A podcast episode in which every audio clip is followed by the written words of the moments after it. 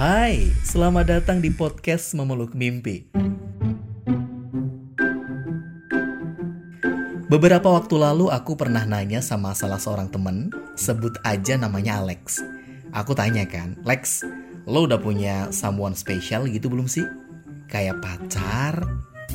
Terus dia jawab, udah kak alhamdulillah, pacarku bernama kesendirian. Wadaw. Pas denger jawabannya ini mau ngakak tapi takut dosa.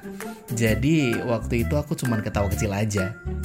Tapi aku jadi mikir, gak gampang loh hidup terus-terusan dalam kesendirian. Ya gak sih? Nah di posisi aku yang sekarang, aku yang udah nikah misalnya gitu ya. Kesendirian bakal jadi beban atau tantangan tersendiri sih. Misal, someday aku terpaksa harus LDR sama istri dan anak-anak itu bakal jadi momen paling menyiksa. Mungkin ya kan?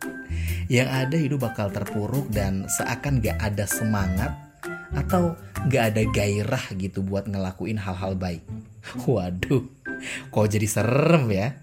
Eh tapi ngomong-ngomong gimana ya caranya kita tetap semangat walau harus berteman dengan kesendirian? Wah pertanyaan gue ini ya. Nah kayaknya aku ada deh beberapa caranya agar bisa gitu ya berdamai dengan kesendirian dan tetap semangat ngejalanin hidup. Pertama, menerima apa adanya keadaan kita sekarang. Banyak orang yang secara naluriah mencoba lari dari kesepian. Beberapa orang menyangkal bahwa mereka kesepian, lalu mencoba mengalihkannya dengan tidur seharian, nonton TV, dan kegiatan-kegiatan lain. Menyibukkan diri tanpa adanya penerimaan bahwa ya, aku memang merasa kesepian, itu nggak akan berhasil dilakukan. Ya, mungkin berhasil sih, tapi sifatnya bakal sementara aja, nggak sebagai solusi jangka panjang. Nah, cara yang baik adalah dengan kita melakukan refleksi diri.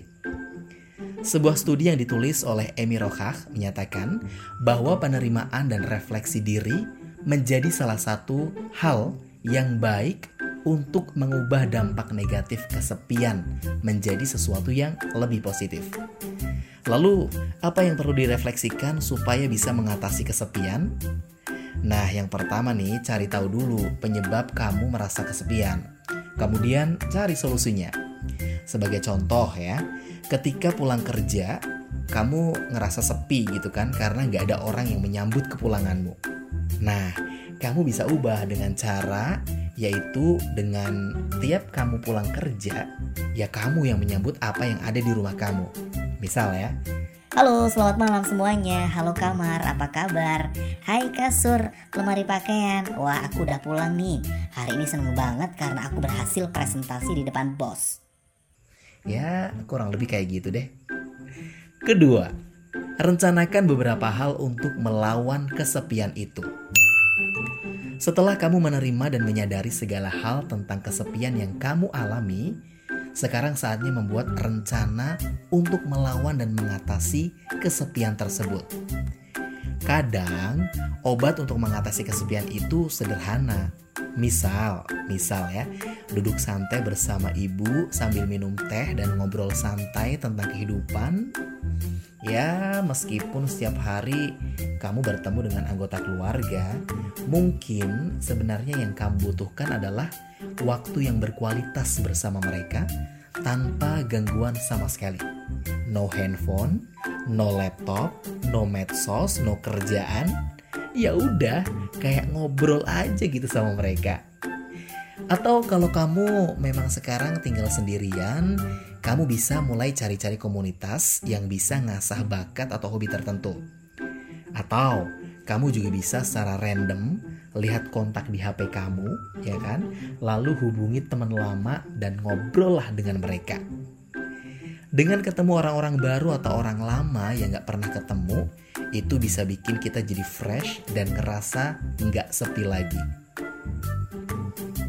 Ketiga, batasi penggunaan media sosial. Sebuah studi yang diterbitkan di American Journal of Preventive Medicine menemukan bahwa pengguna media sosial sebenarnya membuat menjadi merasa lebih kesepian jadi intinya media sosial itu menciptakan kesan seolah kita menjalin relasi tetapi sebenarnya justru sebaliknya.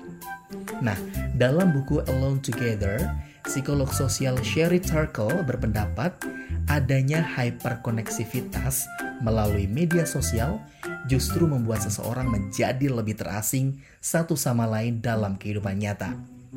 Helena Beckland Welsling dari State University of New York Upstate Medical University di Psychers menyatakan bahwa kontak langsung dan tatap muka itu jauh lebih baik dilakukan daripada kontak di media sosial.